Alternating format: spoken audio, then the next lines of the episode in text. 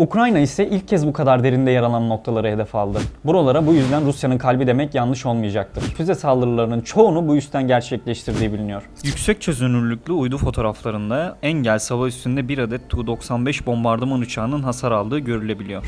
Aslında bu üs saldırıdan yalnızca 3 gün önce radarımıza takılmıştı. Bir diğer vurulan ve esas ağır hasarın bulunduğu üs ise başkent Moskova'dan yalnızca 160 kilometre uzaklıkta bulunan Ryazan şehrindeki Dyagilova hava üssü. RF-34-110 kuyruk numaralı uçağın aynı zamanda KH-22 füzesiyle yüklü olduğu da görülebiliyor.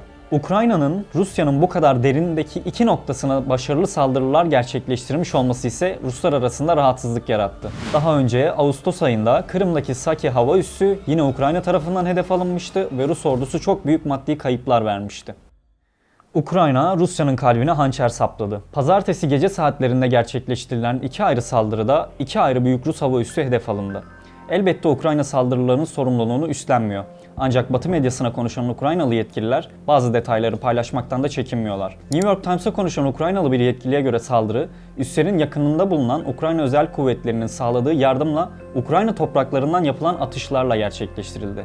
Ukrayna ise ilk kez bu kadar derinde yer alan noktaları hedef aldı. Buralara bu yüzden Rusya'nın kalbi demek yanlış olmayacaktır. Vurulan hava üsleri Ryazan şehrindeki Dyagilova hava üssü ve Saratov bölgesindeki Engels hava üssü. Her iki üs de Ukrayna sınırından yaklaşık 600 kilometre uzaklıkta. Rusya Savunma Bakanlığı'nın açıklamalarına göre ise Ukrayna'nın fırlattığı Sovyet yapımı İHA'lar Rus hava savunma sistemleri tarafından alçak irtifada imha edildi. Ancak yine bakanlığın açıklamasına göre düşürülen İHA'lara ait enkaz parçaları iki uçağın gövdesinde hafif hasara yol açtı. Bu iki ayrı olayda toplamda 3 Rus teknik personeli hayatını kaybederken 4'ü ise yaralandı. Rusya'ya göre saldırılarda kullanılan Sovyet yapımı İHA'nın tipi ise Tu-141 keşif İHA'sı. Ancak bu saldırı için özel olarak seyir füzesine dönüştürüldüğü tahmin ediliyor. Tu-141 daha önce Mart ayında Çekya'ya düşmüştü. Tu-141 Ukrayna sınırından Çekya'nın başkenti Zagreb'e kadar 560 kilometre yol almıştı. Haziran ayında ise Tu-141'e çok benzeyen Tu-143 İHA Rusya'nın batısında düşürülmüştü. Ancak Tu-143'ün menzili yalnızca 200 kilometre ve bu üsleri vurma kapasitesine sahip değil. Tu-141'in menzili ise 1000 kilometreye yakın olarak biliniyor. Ukrayna'nın bu İHA'ları uzun menzilli saldırı silahlarına dönüştürdüğü iddia edilebilir. Elbette saldırı rolünde bu İHA'ların sıkıntı yaşaması oldukça mümkün. Zira bu rol için yaratılmadılar. Ancak bu rol için bu İHA'lara özel eklemeler yapılmış olabilir. Rusya'nın güneyindeki Volga Nehri üzerindeki Engels hava üssü Tupolev 160 ve Tupolev 195 de dahil olmak üzere Rusya'nın uzun menzilli nükleer kapasiteli bombardıman uçaklarının bir kısmına ev sahipliği yapıyor. Üste aynı zamanda nükleer harp başlıkları da depolanıyor. Rusya'nın Ukrayna'ya yönelik füze saldırılarının çoğunu bu üstten gerçekleştirdiği biliniyor. Yüksek çözünürlüklü uydu fotoğraflarında Engels hava üstünde bir adet Tu-95 bombardıman uçağının hasar aldığı görülebiliyor. Düşük çözünürlüklü bir başka uydu fotoğrafında ise hava üstünde aynı zamanda en az 9 adet Tu-95, 5 adet Tu-160 ve 1 adet Tu-95 bombardıman uçağı gözüküyor. İl-78M tanker uçakları ise pistte taksi halinde. Aslında bu üs saldırıdan yalnızca 3 gün önce radarımıza takılmıştı. Yakın dönemde çok sayıda bombardıman uçağının konuşlandırıldığı uydu fotoğraflarında görülmüştü. Bu da Ukrayna'ya yönelik yeni bir geniş kapsamlı füze saldırısı mı olacak sorularını gündeme getirmişti. Ancak bu üssün işgalin başlangıcından bu yana sürekli olarak bombardıman uçaklarıyla dolu olduğu da bilinen bir gerçekti. Engels 2 olarak da bilinen hava üstündeki bombardıman uçak hareketliliği ilk kez 28 Kasım'da dikkat çekmişti. 29 Kasım'da çekilen uydu fotoğraflarında Engels hava üssünde 20 adet Tu-95 ve 6 adet Tu-160 bombardıman uçağı da dahil olmak üzere toplamda 31 uçak görülmüştü. 15 Kasım'da çekilen bir diğer uydu fotoğrafında ise hava üstünde sadece 16 tane uçak yer alıyordu. Tu-160 bombardıman uçakları 15 adet KH-55 serisi seyir füzesi veya 12 adet yeni KH-101-102 tipi füze taşıyabiliyorlar. Tu-95 bombardıman uçakları ise 6 adet KH-55 veya 8 adet KH-101-102 tipi füzeyle silahlandırılabiliyorlar. Bir diğer vurulan ve esas ağır hasarın bulunduğu üs ise başkent Moskova'dan yalnızca 160 kilometre uzaklıkta bulunan Ryazan şehrindeki Dyagilova hava üssü.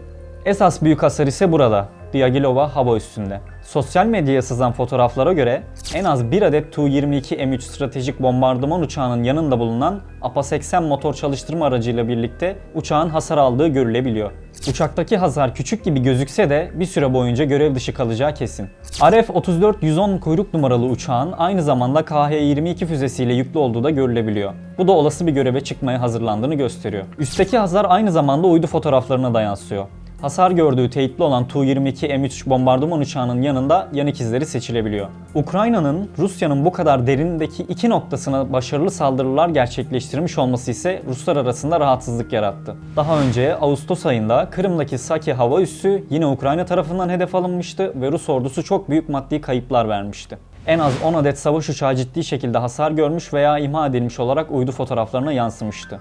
Ayrıca bir dizi uçakta ve diğer yapılarda gözle görülür bir hasar da oluşmuştu. Rusya Savunma Bakanlığı ise olaydan hemen sonra yaptığı açıklamada hiçbir uçağın veya hiçbir personelin kaybedilmediğini açıklamıştı. Ancak uydu fotoğrafları Rus tarafını net bir şekilde yalanlamıştı. Saldırıda kullanılan mühimmatlar ise hala belirsizliğini koruyor.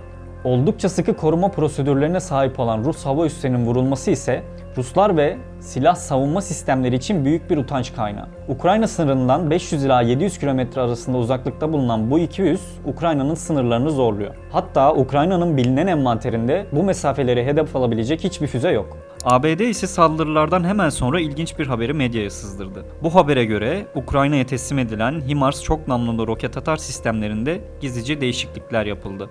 Bu değişiklikler sayesinde sistemin uzun menzilli füzeler atması engellendi. ABD bu haberle birlikte saldırıların Amerikan yapımı silahlarla yapılmadığını vurgulamaya çalışmışa benziyor. Rus kaynaklar ise Rus hava üslerine saldırılarda kullanıldığı iddia edilen Ukrayna'ya ait kamikaze İHA'nın parçalarını yayınladı. Rus kaynaklara göre bu İHA çivi ve toplarla güçlendirilmiş 2 kilogram harp başlığına sahip. Ancak fotoğraflarda çok sayıda şüpheli emareler mevcut ve böylesine bir İHA'nın 600 kilometre yol alıp alamayacağı ise tartışılır. Financial Times'a konuşan bir Ukraynalı yetkiliye göre ise saldırılar tekrar düzenlenebilir. Yetkili tam olarak şunları kaydediyor.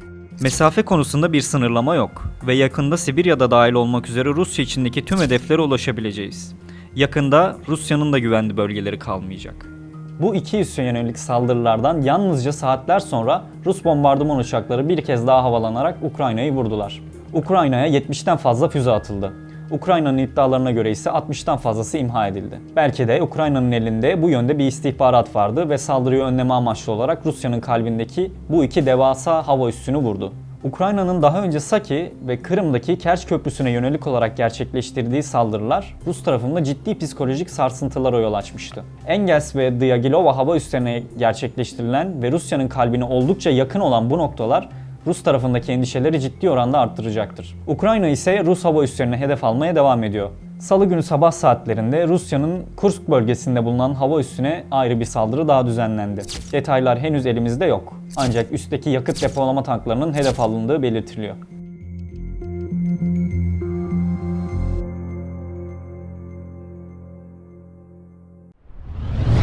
Burası gdh.dijital. Takip edin, gündeme dair her şeyden haberiniz olsun.